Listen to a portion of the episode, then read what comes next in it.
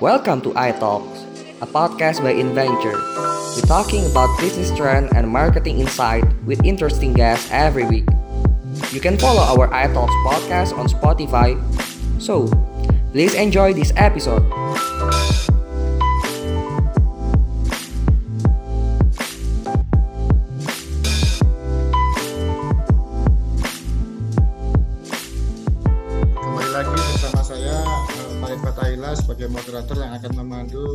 Sesi diskusi sesi terakhir ya ini di hari di hari terakhir ya. Ini pamungkas ini Eh, dengan tema yang sangat menarik juga nih yang lagi sangat populer di kala pandemi beberapa bulan terakhir ini ya.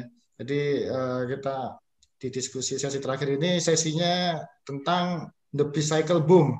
Jadi booming sepeda, big opportunity, big profit. Nah, sudah bersama saya hadir kali ini saya panggilnya Mas saja ya karena masih muda ini. Mas Hendra, selamat sore Mas Hendra. Sore, sore. Apa kabar Mas? Sehat selalu? Sehat semua. Alhamdulillah. Nah, eh, Mas Hendra ini adalah CEO dari Element Bike, eh, sepeda merek Element yang lagi naik daun banget selama pandemi ini. Wah, gila nih. Apa namanya? Mungkin apa? Benar-benar dapat durian runtuh ini, Mas. Kebetulan aja. Tapi memang inovasinya memang sangat keren sekali ya, apa namanya? eh, pas dapat momentum terus terus berinovasi, ini apa berkolaborasi dengan apa artis, seniman dan macam-macam itu ini yang jadi apa produknya dicari-cari ini. Termasuk saya, Mas. saya sempat kemarin akhirnya ikut beli juga nih sepeda elemen. Bagus dong, nggak kecewa ya. Alhamdulillah, memang ya saya belum tak terlalu banyak ngerti sih, tapi so far sih memang oke lah ininya. Semangat. Quality. Terima kasih udah dukung saya, pakai brand saya. Nah, ini memang pandemi udah hampir berapa ya? Hampir setahun, 8 bulan, 9 bulan terakhir Ya, ini ya. memang apa cukup memukul perekonomian kita memang, tapi Hmm. ya selalu ada yang apa naik, ada yang turun. Nah, kebetulan pas hari kemarin satu hari kemarin juga sudah diumumkan sama kepala BPS kalau sekarang kita udah resmi memasuki masa resesi. Ya. Jadi kuartal 2 kemarin kita minus pertumbuhannya year on year. Kemarin kuartal ketiga juga minus lagi eh, year on year-nya, tapi dari kuartal 2 ke kuartal 3 itu sebenarnya tumbuh positif. Nah, kemarin di hari pertama saat keynote speech Pak Menko Perekonomian Pak Airlangga Hartarto eh, juga apa mengemukakan eh, kita masih ada harapan sampai overall 2020 itu masih bisa tumbuh sekian 0, sekian persen lah masih masih bisa positif ya Hmm. dibandingkan dengan negara-negara lain yang sepertinya udah jatuh terlalu dalam. Nah, ini semoga menjadi optimisme kita eh, di tahun depan. Nah, belum lagi tahun depan kita juga udah mulai program vaksinasi ya pemerintah Hmm. sudah apa namanya eh, akan melakukan vaksinasi dari mulai produksi hingga distribusi yang tentu juga masih panjang ininya apa namanya eh, horizonnya waktu timelinenya yang ini semoga bisa menjadi harapan optimisme di para pelaku industri bagaimana nanti perekonomian bisa menggeliat lagi. Nah ini ngomongin soal sepeda ini memang hampir sekarang semua orang ngomongin sepeda nih ya. sampai apa sampai stok-stok itu kosong kemarin ya, beberapa bulan yang lalu tuh sampai wah Iya. harganya itu udah kayak apa Udah udah kayak nggak masker. masuk akal lagi tapi tetap dibeli udah kayak iya Udah jadi masker. apa walaupun harganya apa namanya udah naik berlipat-lipat kayak dulu kita cari masker ya tetap kita Hmm. tetap kita beli akhirnya karena memang Betul. ya semoga ini bukan hanya jadi tren sesaat nah, nah eh, untuk memulai diskusi ini mungkin bisa ini Mas Hendra dijelaskan ya mungkin Pak dari pandangan Mas Hendra sebagai apa namanya produsen sepeda kalau melihat tantangan selama pandemi dan tahun depan kalau dari sisi makronya, dari sisi perubahan perilaku konsumennya, termasuk dari sisi kompetisinya itu kira-kira uh, prospek ke depan, tantangan dan uh, ininya apa mas tren-trennya? Kalau mungkin kita mulai dari sisi makro lah, dari sisi kalau kita ngomong makro itu kan kalau di teorinya itu kan terkait dengan apa politik, regulasi, teknologi, hmm. ekonomi dan apa lingkungan. Ya biasanya itu nah, itu dari masing-masing faktor tersebut kira-kira apa aja nih mas yang mempengaruhi industri sepeda ke depan kalau menurut uh, Mas Hendra ya kalau kalau menurut saya ya sepeda di tahun 2021 ini sih masih masih pasti masih oke okay lah masih cuman mungkin mengalami penurunan dibanding 2020 ya faktornya ya banyak juga ya.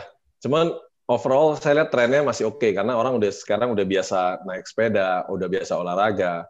Jadi at least biar misalnya di tahun 2021 mereka mau ganti olahraga tetap kan tiap hari mungkin eh di rumah udah ada sepeda, udah beli, masa nggak dipakai sayang. Jadi menurut saya di sepeda sih 2021 masih oke. Okay. Mungkin dibanding 2020 hype-nya menurun lah. Paling nggak yang menurun 30-40 persen sih mungkin. Kurang lebih seperti itu sih. Kalau ini pendapat pribadi saya.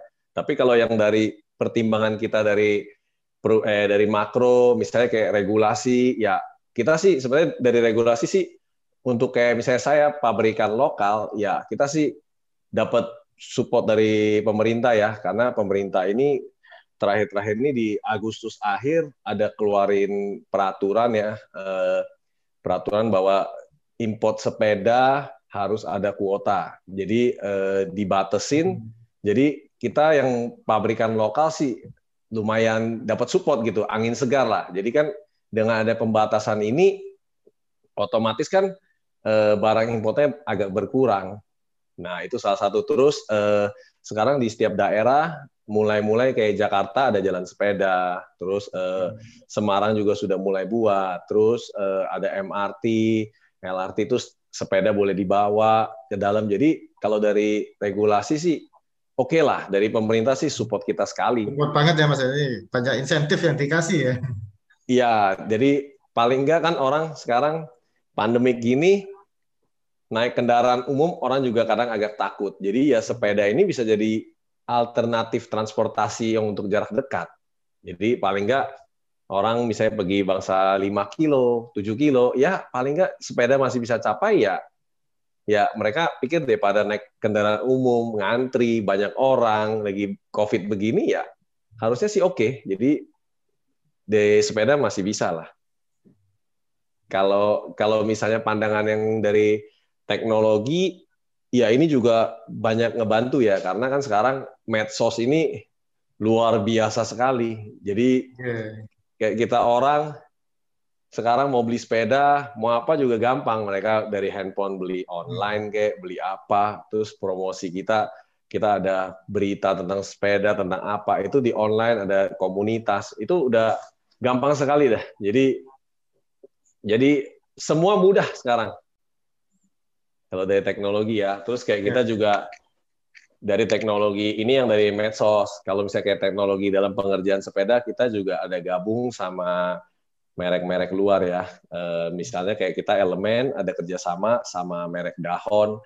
E, itu kan mungkin situ tahu ya pioner sepeda lipat. Nah, dengan gabungnya dia berbuat eh, kita produksi di Indonesia itu ada transfer knowledge. Jadi kita, ya kita diajarin oh cara bikinnya seperti ini. Jadi kan secara tidak langsung untuk merek kita yang elemen, oh rupanya selama ini kita bikin salah nih, kita udah banyak belajar. Jadi di sini ada transfer knowledge, terus kita ada gabung sama merek Cam ya yang dari Italia ya untuk premium hmm. brand elemen. Jadi kita kalau di sepeda sepeda elemen ini yang premium brandnya tuh Cam. Jadi di Cam kita juga diajarin banyak dari sistem uh, pengecatan, pengelasan kita banyak banyak belajar sih. Jadi desain apa. Jadi untuk teknologi ya kita kebantunya ya dari transfer knowledge sama medsos sih. Kalau misalnya dari ekonomi politik ya saya lihat di 2021 lebih dari 2020 ini aja udah lebih stabil ya. Nggak nggak, nggak terlalu yeah. Iya. kalau kalau kemarin-kemarin ya. iya agak agak ada kan kalau kemarin. Iya, kalau kemarin kan ada pemilu, tiap yeah. hari ribut ribut ribut. Yeah, Kita yeah. juga bisnis kan namanya orang aduh demo atau apa orang nggak berani keluar. Kalau sekarang bukannya nggak ada, ada, tapi kan eh, nggak terlalu dibanding sebelum-sebelumnya gitu loh. Yeah. Jadi sih di dari ekonomi saya lihat lebih lebih kondusif lah. Jadi uh, gimana? Lebih oke okay lah menurut saya gitu loh. Kalau misalnya dari customer change perilaku konsumen ya ini juga banyak berubah ya. Contohnya hmm. kita ngomong di 2020 awal tahun. Kita ngomong kalau kita ngomong kasar siapa sih mau pakai sepeda? Iya yeah. kan kurang lebih kayak begitu kan. Tapi tiba-tiba tiba-tiba PSBB, COVID. Hmm. Tiap hari orang bilang jangan keluar rumah ya. Jangan keluar rumah. Di kita juga pusing sebenarnya. Wah, tuh ini nggak boleh keluar rumah. Tiap hari kita lihat media, kok COVID begini parah, kita pribadi kita aja takut. Kita bilang wah ini bisnis sih udah pasti udah pasti hancur lah. Kita udah pikir ini kacau tahun ini udah nggak ada harapan. Padahal kan itu baru semester pertama. Kita udah udah stres semua gitu loh. Eh ternyata jangan ngomong yang lain. Saya pribadi aja bosen di rumah. Padahal saya biasa nggak goes juga. Akhirnya karena bosen kita lihat sepeda, saya sendiri aja sampai pakai gitu loh. Iya, sama saya mas. Iya, jadi ya ya kurang lebih seperti itu. Terus juga karena sepeda ini orang jadi tahu lah kita punya brand segala. Iya. Kalau kalau ini mas, preferensi konsumennya sendiri ke arah mana mas? Apa? Uh, Dari konsumennya sendiri sekarang preferensi terkait sepeda itu seperti apa? Mereka nyari yang seperti apa sih? Terus apa namanya? Kalau orang Indonesia yang saya baca nih ya, mereka selalu mau sesuatu yang lebih baru, mau hmm. sesuatu yang beda. Ya, kalau dan kebetulan ya ini termasuk dari strategi kita ya. Jadi hmm. di elemen uh, kita cepat berubah. Jadi kita adaptasinya sangat cepat sekali. Nah, misalnya dari awal kita uh, nggak terlalu fokus sepeda lipat, tapi kan kita lihat hmm. kenapa sih uh, harus sepeda lipat? Ya kita pertimbangkan faktornya. Oh, rupanya di sepeda lipat gampang dibawa. Misalnya iya. hujan tinggal panggil taksi atau apa naik ke ini. Iya, jadi jadi di sini kita kita cepat berubah. Kita baca market langsung. Wah, ini sepeda lipat bagus nih. Kenapa nggak nggak ah, praktis? Kenapa nggak kita ngegas di sini? Di ban yang setelah kita pelajari merek-merek lain tidak lihat ke sini dan kebetulan kita lihatnya wah ini sangat peluang gitu. Jadi kita ngegas di ngegas di sepeda lipat. Itu mulai kapan itu Mas? Mulai berapa tahun yang lalu atau baru aja? Ini. Di 2019 bulan 2019 eh, bulan 4 kita udah udah lihat sepeda lipat. Sebenarnya kita udah lihat. Udah mulai fokus ya. gitu ya ini ya. Iya, jadi udah mulai ke sana dari 2019 bulan 4 itu grafik grafik kita sih udah mulai naik gitu loh, udah naik. Pokoknya tiap bulan kalau lihat data kalau kita ngomong pecah rekor tiap bulan pecah rekor. Itu kan kalau saya lihat ya di bahkan di sepeda lipat sendiri kan elemen kan ada beberapa brand ya apa hmm. namanya kan pasti itu segmennya juga beda-beda itu bagaimana Betul. itu? Uh, kan uh, Oke, okay, saya jelasin ya. Kalau di di, di produknya ini. Ya, kalau brand brand nomor satu kita itu elemen.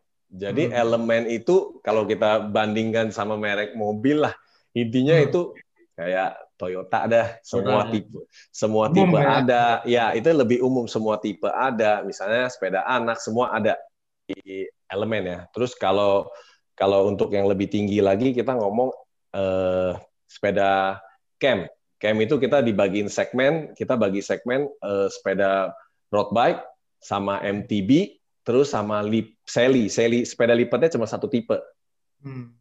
Nah, terus kita ada lagi yang benar-benar bikin sepeda lipat tok khusus untuk yang merek kita, yang kelas atas kita. Kita pakai merek Fall X. Nah, oh, ini benar-benar ya, khusus. Ya. ya, ini benar-benar khusus bikin sepeda lipat. Dia nggak bikin yang lain. Jadi ini hmm. uh, untuk di sepeda lipat kita punya yang premium brandnya Fall X kita pakai. Nah, kalau misalnya di bawah elemen kita pakai merek Police Bike.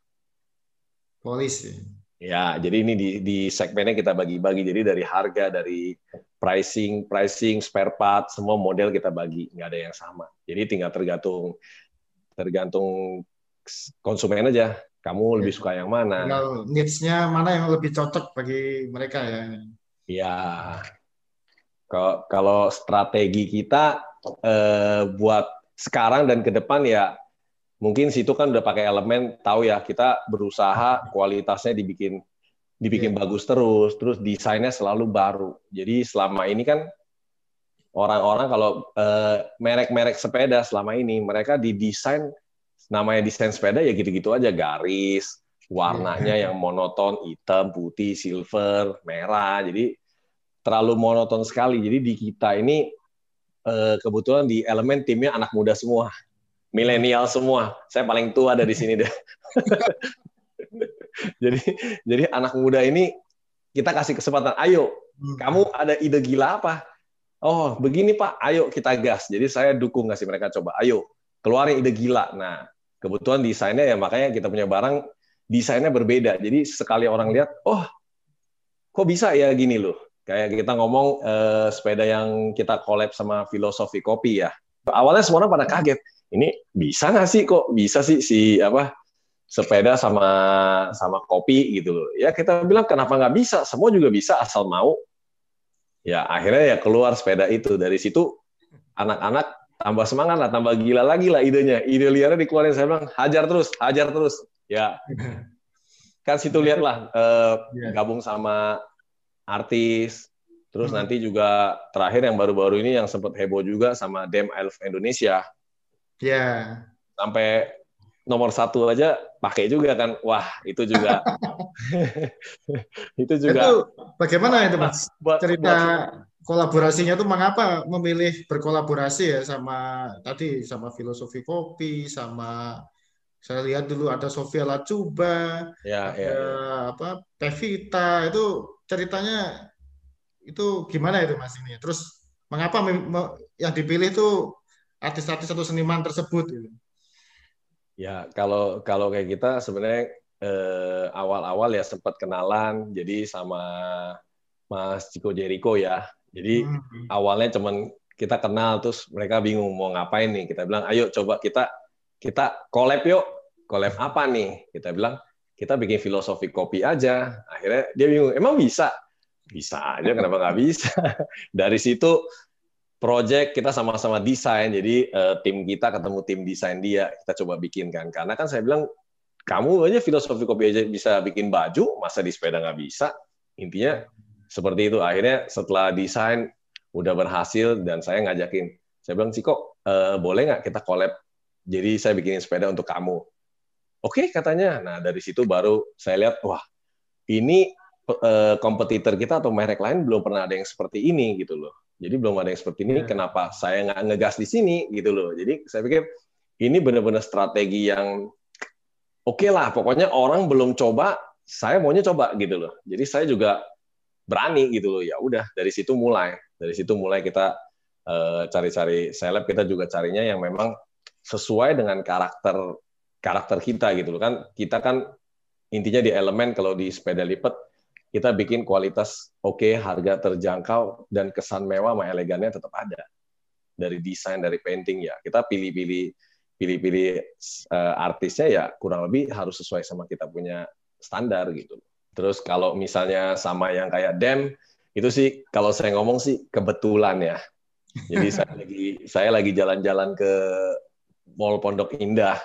Itu kalau nggak salah bulan bulan tiga. Jadi bulan tiga ini saya jalan-jalan saya lihat baju Dem, ih ini kalau dibikin di sepeda kayaknya asik juga nih. Terus kan anak-anak nanya, Pak mau sepeda apa? Ya pasti 17 Agustus lah saya pikirkan. Ini jadi ide spontan, nggak sengaja. Iya, Jadi betul. habis habis itu ya kita kita coba hubungin dem dan mereka wow keren banget gitu loh. Emang bisa? Apa ya nggak bisa? Akhirnya ya kita coba follow up ya ternyata kelar ya sama-sama semangat lah karena dem kan juga kumpulan anak muda si Daniel kan ya pengimbang sama kita. Jadi setelah ini kita bilang, wah next project apa nih? Ya, saya bilang, Sumpah Pemuda, ayo kita bikin lagi. Kurang lebih ya. Ya, spiritnya ini ya nasionalisme ya karena Ya, karena kan kita lihat dari lihat dari baju dia ya. Ya. Terus juga ya namanya kita desain ada juga yang yang ngoceh lah. Katanya Indonesia, kenapa pakai bahasa Inggris? Kan gitu ya. ya namanya iya. kita manusia ada aja lah kalau yang mau celah mau bagaimana juga pasti dicelah kan. Gitu loh. Ya kita jelasin judulnya aja Damn I Love Indonesia. Kalau kita kalau kita di Indonesia ini kan bingung. Yeah. Kurang lebih ya kayak gitu. Tapi ya strategi kita nanti tahun depan kita juga ada ini kan udah collab sama beberapa artis masih ada hmm. masih ada dua lagi yang belum keluar sama artis ya. Jadi setelah dua ini nanti kita akan eh, collab sama brand lokal. Jadi kita dari hmm. elemen kita terbuka gitu. Brand lokal mana pun yang mau gabung sama kita asal cocok, why not gitu loh. Kenapa enggak? Jadi kita nanti eh, saya bocorin satu dah yang yang akan segera keluar brand lokal. Kita akan kerjasama sama Table Tol Sosro. Oh. jadi jadi ada entah ada sepeda elemen sepeda ya, elemen teh botol sosro gitu. ya ini jadi sesuatu yang pasti bakal ini ya cool banget ya. Yang kayak gini-gini kita lebih untuk collection ya, untuk hmm, untuk ya. uh, karena kan sekali buat sekali buat, jadi uh, lebih untuk edisi terbatas gitu. Betul, jadi kita ya. uh, uh, sekarang kita kan ada ngobrol sama komunitas. Wah, sekarang elemen saya satu orang sampai ada yang punya sembilan biji loh. yang mana aja? Dia bilang, kenapa? Iya, suka modelnya. Jadi jadi sampai udah dijadiin koleksi lah barang kita lah. Yeah. Senang juga nah, sih. Nah, menarik soal komunitas tadi, Mas. Bagaimana itu elemen meng, apa ya, me, uh, menghandle atau bahkan mungkin mengkapitalisasi komunitas ini jadi apa? Uh, sebuah benefit bagi elemen. Peran komunitas itu seperti apa dan bagaimana strategi elemen itu memaintain komunitas ini? Ya, kalau kayak komunitas ya awal-awal kan eh, mereka bentuk ya dari tiga orang, empat orang, hmm. mereka bentuk satu komunitas dan setelah dari komunitas mereka juga ada DM ke kita. Uh, hmm. Pak, kita ada bikin komunitas, mau disupport nggak? Ya, kita kan ada tim juga khusus yang ngurus ngurus ya, ya. Uh, komunitas. Jadi tim kita juga datang, ya apa yang bisa kita support, terus arah komunitas kamu seperti apa. Jadi kita ada tuker-tukeran juga lah informasi. Terus kayak mereka bilang, Pak, masukkan nih uh, di sepeda ini. Misalnya kan ada komunitas kita ngomong yang yang heboh kayak komunitas Troy atau Pikes. Ya. ya dia orang ada kasih masukan sepedanya gini gini gini. Ya kita coba lihat masukannya. Jadi kita kadang ada diskusi juga masalah produk kita ya. Jadi makin buat ya lebih bagus terus lah gitu loh. Ya. jadi ini sih maksudnya karena kan mereka pengguna langsung. Kalau kayak kita ya. bagian produksi kita ngetes kan nggak bisa ngetes sama kayak mereka. Karena kan kita sendiri tes cuma satu orang nggak bisa dijadi patokan tapi kan kalau komunitas e, mereka kan rame. Jadi mereka pakai mereka bisa tukar oh, bisa tukar pendapat. Jadi kita juga diinformasi dari mereka ya supaya produk kita makin bagus. Jadi di komunitas ini benar-benar ya kita berhubungan terus lah. Kita support mereka. Ada acara ya kita support. Mau acaranya apa mau gimana. Jadi kita saling support saling bantu. Jadi bisa terjadi ini ya co-creation ya ya, mereka, ya. jadi kadang-kadang kayak kita mau launching, saya ingat yang merek Pikes itu kita mau launching yang kedua, sebelum keluar kita ada kasih, ya kita ada kasih minum komunitas. Mereka pakai sekitar satu mingguan. Jadi mereka pakai satu mingguan mereka bilang Pak ini kurang-kurang oke, okay. yang nanti next akan kita perbaiki. Jadi kita ada ada ada kasih mereka tes gitu loh supaya lebih baik lah. Ya pokoknya kita selalu mau berusaha lebih baik ya. Memang belum sempurna tapi setiap kali ini ya lebih baik aja lah. Iya. Yeah. Kalau dari sisi ini Mas, kompetisinya sendiri ya, dari pesaing-pesaing persaingan yang ada apa brand-brand lain itu bagaimana Mas? Konstelasi apa di pasar sepeda ini? Ya, kalau misalnya kompetisi ya setiap pabrik pasti ada, eh, setiap merek pasti ada masing-masing kelebihan dan masing-masing pasti ada kekurangan lah. Ya kalau kita sih intinya di saat begini kita udah nggak nggak nggak nggak nggak mau fokusin orang lain lagi. Kita udah bener-bener kita fokus di kita aja. Yeah. Kita udah bener-bener ya udah. Pokoknya di saat yang lain sibuk bikin sepeda gunung, sepeda anak, saya nggak mau tahu. Saya fokus di sepeda lipat. Jadi kita abis-abisan kita udah intinya saya nggak peduli deh urusan kalian deh. Pokoknya kita fokus di sini. Jadi supaya kita dapat yang terbaik aja. Kalau kita strateginya lebih sederhana kayak gitu sih. Kalau dari apa namanya eh, brand-brand luar, mas? Kalau brand-brand luar, kalau di sepeda lipat sih sekarang kan nomor satunya cuman maksudnya cuman nomor satu itu kan cuman merek dahon ya dan kebetulan dahon kita udah udah udah dapat ya. ya. Jadi iya, jadi udah gabung sama kita. Jadi di sini kita udah nggak ada masalah kalau kita ngomong merek luar seperti yang B yang hmm. sekarang dipakai orang banyak ya itu beda kelas sih. Memang kita ya, ya. kita intinya kita kita kita akuin lah kalau misalnya kayak kita ngomong mobil eh, yang mereka jual itu Mercy gitu. Kita jualnya Toyota ya udah nggak mungkin sebagus sebagus Toyota mau ini kan ya maksudnya mau nyamai atau mana dari segi brand kan mungkin tetap ada selisih ya. Tapi kan kalau kita ngomong teknologi belum tentu kalah. Tapi di segi brand tetap orang rasanya kelasnya beda. Seperti itulah. Oke, Mas. Nah, dari tadi Mas, tren-tren atau perubahan-perubahan yang terjadi tadi ya dari sisi makro, dari sisi customer maupun dari sisi kompetisi. Nah, kira-kira apa aja Mas yang akan yang bisa menjadi ancaman dan juga bisa menjadi peluang nih bagi apa namanya eh, pemain industri di sepeda ini di tahun depan. Kalau ancaman ancaman sih sebenarnya sekarang bukan ancaman antara brand ya. Kalau yang saya lihat ya di industri sepeda ini sekarang yang pusing ini spare part. Oh. jadi ini yang jadi challenging sekali ya. ini yang susah sekali. Jadi eh, sekarang posisi pandemik ini seluruh dunia uh, permintaan sepeda di mana lagi lagi kuat sekali. Jadi lagi kuat sekali semua overload. Jadi kayak kita beli yeah. kita mau beli spare part karena kan sepeda masih sekitar 60-70 persen masih barangnya import ya karena lokal belum belum belum ada semua ya. Jadi yang kayak kita ngomong spare part yang vital-vital kayak kita ngomong misalnya kayak Shimano ya itu yang kalau kita boleh ngomong tak tergantikan. Nah ini mereka overload sekali. Jadi kita pesan barang sama mereka ini mereka terima order tapi tidak ada jadwal. jadi jadi ini intinya nunggu nggak tahu nunggu sampai kapan nih nggak jelas. Dan pemainnya juga nggak banyak ya mas yang kayak Shimano itu ya.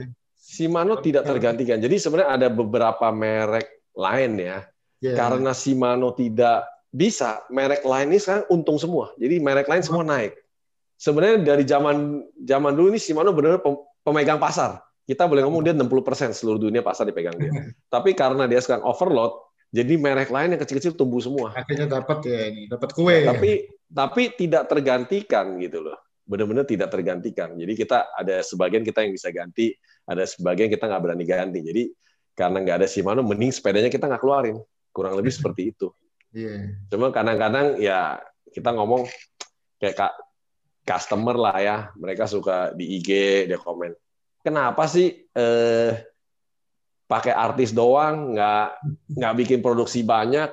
Karena mereka suka yeah, seperti yeah. itu. Ya, kita kan nggak mungkin balasin satu-satu. Ini ya pas ada kesempatan ngobrol, mana atau ada yang lihat, ya saya jelasin sedikit. Saya ini pebisnis. Kita lihat peluang kalau emang kita ada, kita sanggup bikin, masa kita nggak mau? Jadi iya. kan karena kita nggak bisa keluar kan pasti ada sebabnya. Sebabnya ya spare partnya nggak ada. Jadi bukan kita nggak mau, Bener kan, Mas? Iya, iya. Kalau pembisnis makin kita bikin makin banyak, ya buat kita makin bagus. Why not? Gitu kan. Tapi kendalanya itu tadi ya, spare part ya, emang kunci ya. Ya, jadi spare partnya nggak nggak nggak sampai sekarang tidak tergantikan. Jadi ini yang kayak masalah Shimano ini bukan di Indonesia doang. Jadi seluruh dunia lagi yang kerja sepeda seluruh dunia lagi sakit kepala aja, lagi pusing.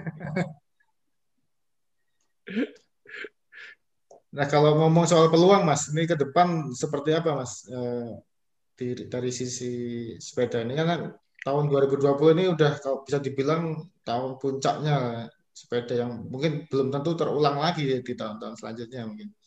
Kalau Tapi, saya saya lihat sih 20 tahun belum tentu ada ketemu lagi kayak begini. ini benar-benar blessing in disguise ini. Ini. Ini ini ini ini nggak ada yang kira nggak ada yang sangka tahu taunya datang sendiri kurang lebih seperti ini.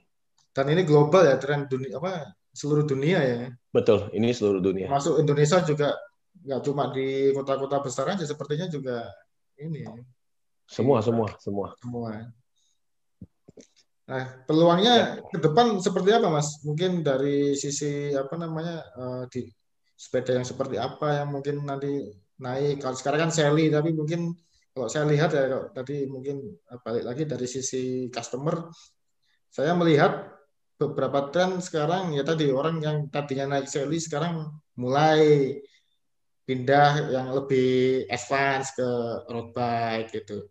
Terus ya MTB sih mungkin masih stabil ya, ya seperti itu. Tapi kira-kira kalau ke depan menurut Mas Hendra seperti apa ininya uh, peluangnya di kalau segmen yang mana atau di produk yang seperti apa? Kalau kalau misalnya kita ngomong peluang itu ya kita ngomong tetap ada lah. Jadi kita sendiri harus pinter lihat gitu market butuhnya yang mana. Dan kalau kayak situ bilang eh, sepeda gunung atau sepeda lipat atau sepeda road bike, kalau gambaran sekarang kita lihat sih semua arahnya ke road bike. Karena mungkin orang lihat sepeda lipat udah banyak atau sepeda gunung udah bosen, jadi orang lebih arahnya ke road bike. Ya. Itu itu sekarang. Tapi kalau saya lihat sebenarnya sama loh mas. E, sama itu gimana ya? Yang dulu road bike mereka lihat Sally lebih lagi sepeda lipat lagi rame, mereka pada ganti sepeda lipat. Iya, jadi yang yang sepeda gunung ya, juga ya. ganti sepeda lipat. Karena kenapa? Uh, kita ngomong komunitasnya banyak.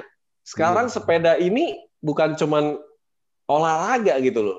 Mereka ya. mejeng buat foto, buat lifestyle. Uh, iya, jadi sekarang intinya kalau ketemu bro sepeda gue gini gini gue habis upgrade nih gue habis begini gini gini jadi jadi life jadi lifestyle menurut saya. Jadi kayaknya punya sepeda, sepeda gue keren nih di ini nanti temen datang, wih sepeda gue udah gue gini gini gini jadi jadi lifestyle terus buat nongkrong apa udah yeah. oke okay, gitu loh.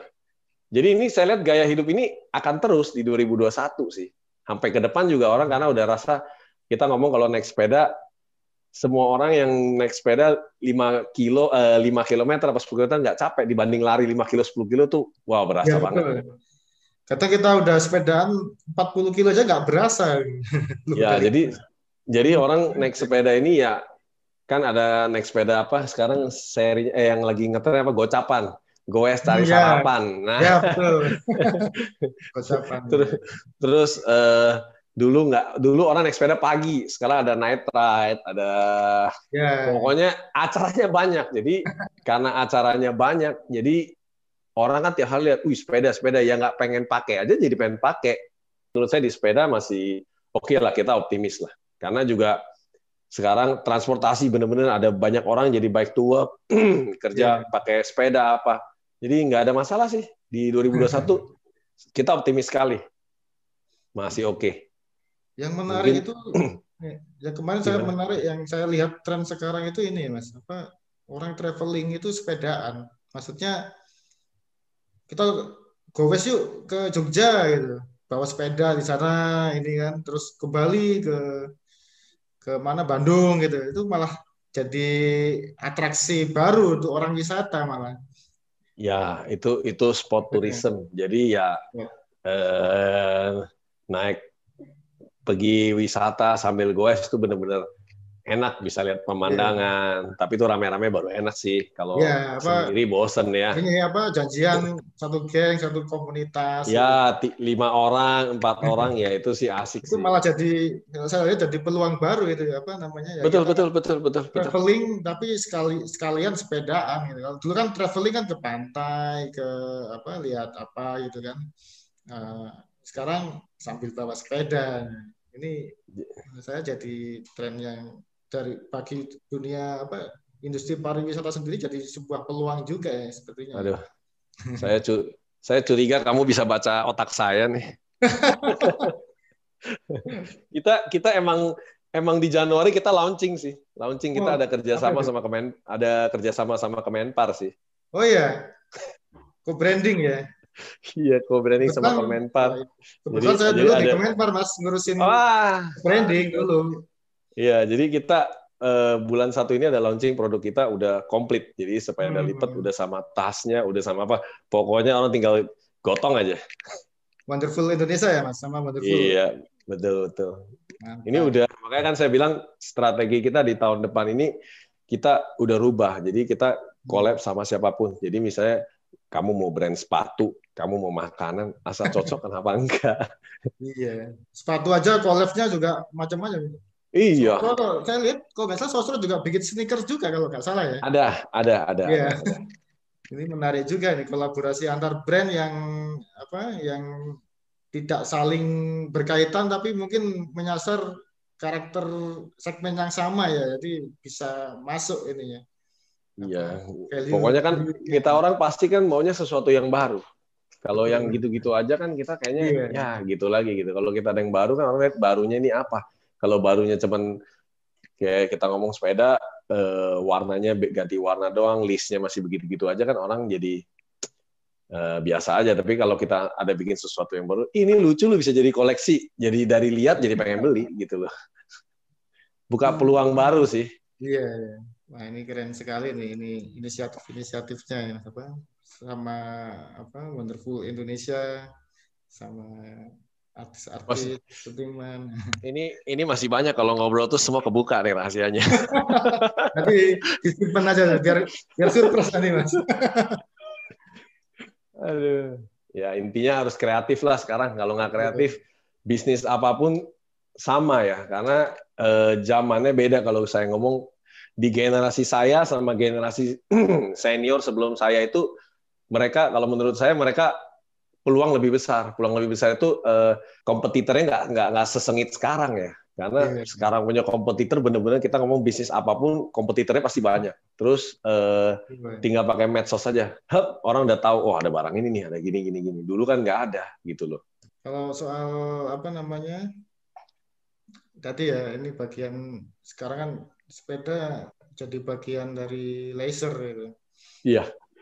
Akhirnya nggak cuma untuk fungsional, tapi juga tadi untuk apa namanya yang emosional connection lah, nggak cuma nggak cuma fungsional itu buat berolahraga doang, tapi akhirnya juga jadi ajang apa? Tadi bisa jadi pamer, dipamerkan maksudnya, di bisa yeah, jadi yeah. apa namanya? Uh, ajang untuk kumpul-kumpul dan semacamnya. Nah, ini mungkin kita buka pertanyaan ke teman-teman peserta. Sepertinya udah beberapa yang masuk ini. Oke, ada tiga pertanyaan nih Mas dari peserta. Boleh. Bisa jawab, pasti saya jawab. Pertanyaan pertama ini ke depannya inovasi produk apalagi yang akan dikembangkan elemen untuk menghadapi tahun 2021 yang akan challenging. Ya ini mungkin bisa di apa dijabarin lagi Mas tadi kan udah sedikit-sedikit ya jadi ada teasernya ya, mungkin bisa ditambahkan lagi Mas kira-kira. Yang kalau yang buat di elemen sih yang pasti kita kita tetap fokus fokus utama kita di sepeda lipat. Jadi Masih kita sepeda ya? lipat ya sepeda lipat terus kita mungkin akan mulai uh, ke sepeda road eh gunung, gunung sama road bike. Hmm, Jadi porsi sepeda lipat kita kita turunin. Jadi kita mulai ngegas di sepeda MTB sama sepeda road bike sih. Sementara sementara itu. Jadi karena kan kita ada keterbatasan eh, kapasitas produksi ya. Yeah. Jadi kita sementara produksinya jumlahnya tetap sama ya salah satunya kita harus mengorbankan ya sepeda lipatnya diturunin otomatis sepeda gunungnya sama sepeda balapnya kita naikin. Hmm. Model-modelnya nanti ada baru kok banyak. Jadi kita tetap model baru terus deh. Mantap. Tapi kalau dari sisi produksi nggak banyak kendala ya mas selain spare part tadi ya? Sebenarnya paling besar kendalanya di spare part. Ya sama sekarang dah. Sekarang kan uh, kita ngomong lagi COVID begini ya, kita kan protokolnya juga ya, protokolnya, protokolnya juga kita harus atur ya. Setiap orang uh, masker, termogan kita ukurin, terus kita sering rapid. Ya ini kan mau nggak mau kan, jadi agak kendala di sini juga sih. Ini ada pertanyaan lagi, apakah ke depannya akan main ke pasar sepeda yang lebih segmented, yang lebih adventure, seperti brand Super Super 73 atau segmen indie lainnya? Kalau kalau kita sih eh, misalnya segmen itu maksudnya eh, kalau sekarang kan kita main di line line up kita kan di middle ya. Jadi saya lebih mau bikin barang tuh eh, menengah ke bawah tapi dengan desain dan kualitasnya yang agak bagus. Jadi kalau kita ngomong kalau bikin barang mahal bagus semua juga bisa. Saya tuh lebih arahnya mau bikin barang ya dengan harga yang rasional, dapat kualitasnya yang lebih bagus sih. Kita jadi lebih arahnya mau biar semua orang bisa bersepeda lah gitu loh. Oh sepedanya gue mau keren deh, tapi harga nggak terlalu mahal ya. Pakai kita punya sih. Arahnya sih mau seperti itu. Kalau kita disuruh bikin yang misalnya kita segmented sekali mau terlalu murah, ya kita ada standar, jadi kita nggak mau. Jadi demi misalnya kita ah mau rebut market, kita bikin murah, kita nggak peduli sama standar kita, kita sih nggak nggak nggak berani. Kita jadi tetap ada standar kita. Uh, kualitasnya paling paling rendah segini gitu, disuruh bikin di bawah lebih lebih murah, jumlah lebih besar kita pun nggak mau. Oke, nah ini pertanyaan yang ketiga, ya ini nyambung yang tadi nih apa uh, soal spare part ini. Mengapa komponen-komponen sepeda seperti frame, grup set dan lain-lain masih kebanyakan impor terutama di Cina? Kenapa belum bisa diproduksi di Indonesia? Kendala utamanya apa kendala utamanya? Nah ini gimana? Kalau mas? kalau kita ngomong uh, seperti yang saya bilang kayak Shimano tak tergantikan. Kita hmm kita bisa bikin. Indonesia bukan nggak bisa bikin. Indonesia semua bisa bikin. Tapi kalau kita ngomong setelah kita bikin, cost-nya mahal, kan nggak rasional juga. Jadi kayak kita ngomong Shimano, kita Indonesia ada bikin gear set, misalnya kita bikin merek apalah. Investasi di awal untuk mau bikin kualitas seperti dia itu terlalu besar. Jadi saya rasa nggak ada yang mau nggak ada yang mau invest ke sana. Menurut saya sih seperti itu. Jadi bikin bukan masalah, bikin bisa. Nah, mau nggak gitu loh? Siapa yang mau start duluan? Jadi ini berlaku untuk semua barang, bukan di sepeda aja menurut saya. Yeah. Iya. Jadi jadi kayak kita ngomong barang-barang yang teknologi lah, kayak IC apa, yeah. ya orang kan nggak mau invest bikin IC, mau bikin kan bisa. Tapi kan ya kadang-kadang kita pabrik ini kan di Indonesia kemampuan kita eh, knowledge kita kan masih kurang. Jadi kan kita mulai sesuatu mulai step by step, nggak bisa langsung, wow saya mau bikin mau bikin kayak kita ngomong pabrik mobil, dia nggak bikin ban sendiri kan? Yeah. Ya, ya ini gitu. Cuma kan ya kita ngerti lah, kita wajar misalnya kayak konsumen eh, nanya seperti ini kita wajar. Saya total ada tiga industri, ya saya ada tiga industri. Jadi saya punya industri satu yang sepeda dan sepeda ini kurang lebih eh, importnya 60 persen. Lokalnya hmm. kadang 30, kadang 40 persen. Dan saya ada industri mainan ya. Mainan ini importnya 10 persen, lokalnya 90 persen.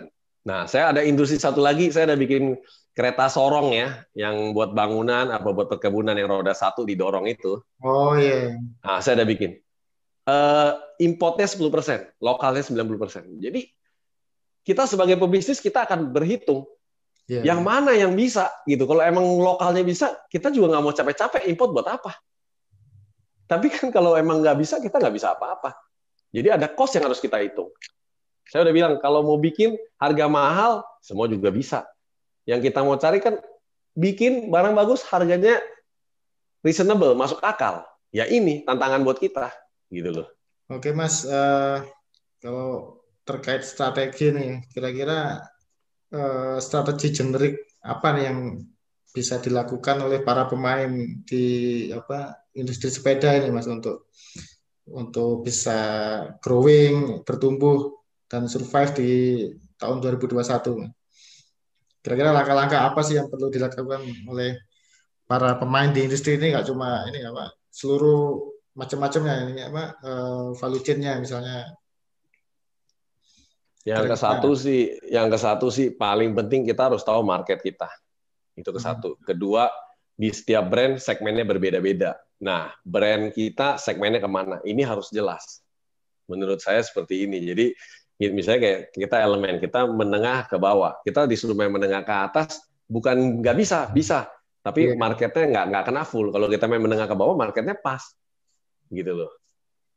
Ya lebih kreatif di desain, di warna harus harus jelas lah. Uh, ini, orang Indonesia maunya seperti apa? Ini kita harus tahu, paham di situ loh. Kalau yang saya lihat sih seperti itu. Terus yang paling penting ya, yang paling gampang ya ini Pak ATM, amati, hmm. tiru, modifikasi. itu paling gampang. Sama ini ya Pak, apa bisa lihat tren ya ini apa yang Ya, jadi adaptasi lah. Misalnya kayak kayak kita tiba-tiba pandemi sepeda lipat lagi lagu ya kita cepat berubah kalau misalnya kita tetap yeah, tetap agile, agile. Iya kan kadang-kadang tetap idealis. Uh, oh, gua bukan di sini. Uh, gua jagoan gua gua misalnya bikin MTB apa apa saya biasa bikin road bike. Saya tidak mau main di wilayah ini. Ya, yeah. kan rugi sendiri.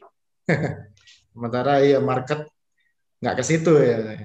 Iya, jadi kan ya sendiri harus lihat eh, peluang harus benar-benar di, dilihat jelas. Baik, uh, ini kita juga udah di nggak kerasa ini mas udah hampir satu jam. udah. Oh, udah. Cepet juga ya. aja Iya, nggak berasa ini. Mungkin ada satu ini mas pesan terakhir dari Mas Hendra ini terkait bagaimana nih apa pasar sepeda atau industri sepeda ke depan ini apa pesan-pesan yang bisa disampaikan oleh Mas Hendra ke para pemain? Ya kalau buat industri sepeda sih sebenarnya semua udah udah tahu lah, mereka udah tahu lah ya.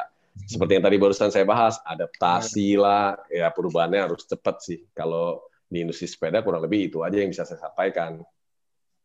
Kalau buat para pesepedanya nih, apa mas? Kalau buat para sepedanya ya para pesepeda. Iya, go goes boleh goes, tapi protokol kesehatan harus di, oh, iya. diingat. Ya, kita harus pakai masker juga. Terus kalau misalnya nongkrong-nongkrong boleh jaga jarak lah.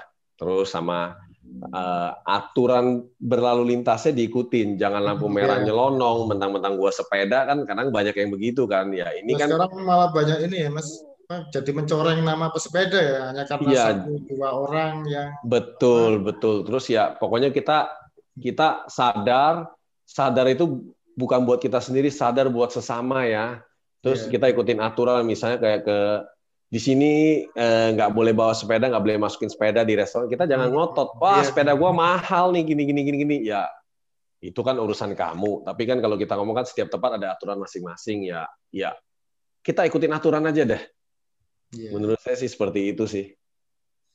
Terus ini ya apa lebih hati-hati lagi ya ini banyak banyak begal. ya kalau begal ya kita juga terima kasih sama apa pihak yang polisi gitu tentara yeah. udah jaga keamanan udah saya lihat juga begalnya udah ada banyak yang ketangkep ya yeah. ini kita terima kasih udah dibantu dijaga keamanannya ya kalau bisa sih jangan sendiri lah karena kita berdua bertiga kan lebih aman ya Yeah. Kalau misalnya mau sendiri ada deket-deket rumah di komplek, ya inilah. Jadi kita sendiri juga harus tahu, kita juga harus jaga gitu, nggak bisa semua berharap sama, oh ada yang jaga keamanan gini-gini, kita sendiri harus lihat lah. Kalau masih terlalu gelap ya kita jangan keluar juga, gitu loh. Betul. Baik, Mas Hendra, terima kasih banyak. Ini insight-nya menarik sekali nih banyak banget yang sepertinya juga masih bisa dikulik lagi tapi waktu kita batas untung untung cuma sedikit kalau nggak kebuka semua nih rahasia saya ya nanti ini orang-orang ini semua nih tahu semua nanti iya. harus, harus dibikin surprise loh ya.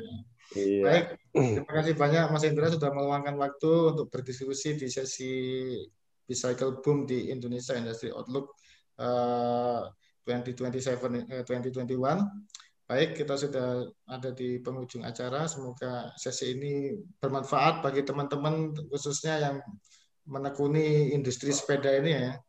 Eh, semoga bisa tetap bertahan dan bisa memanfaatkan peluang pasca pandemi nanti di tahun 2021 nanti. Baik, sekali lagi terima kasih Mas Hendra. Yo, terima kasih Pak. Terima kasih ya. Saya Fadil Fatahila, undur diri.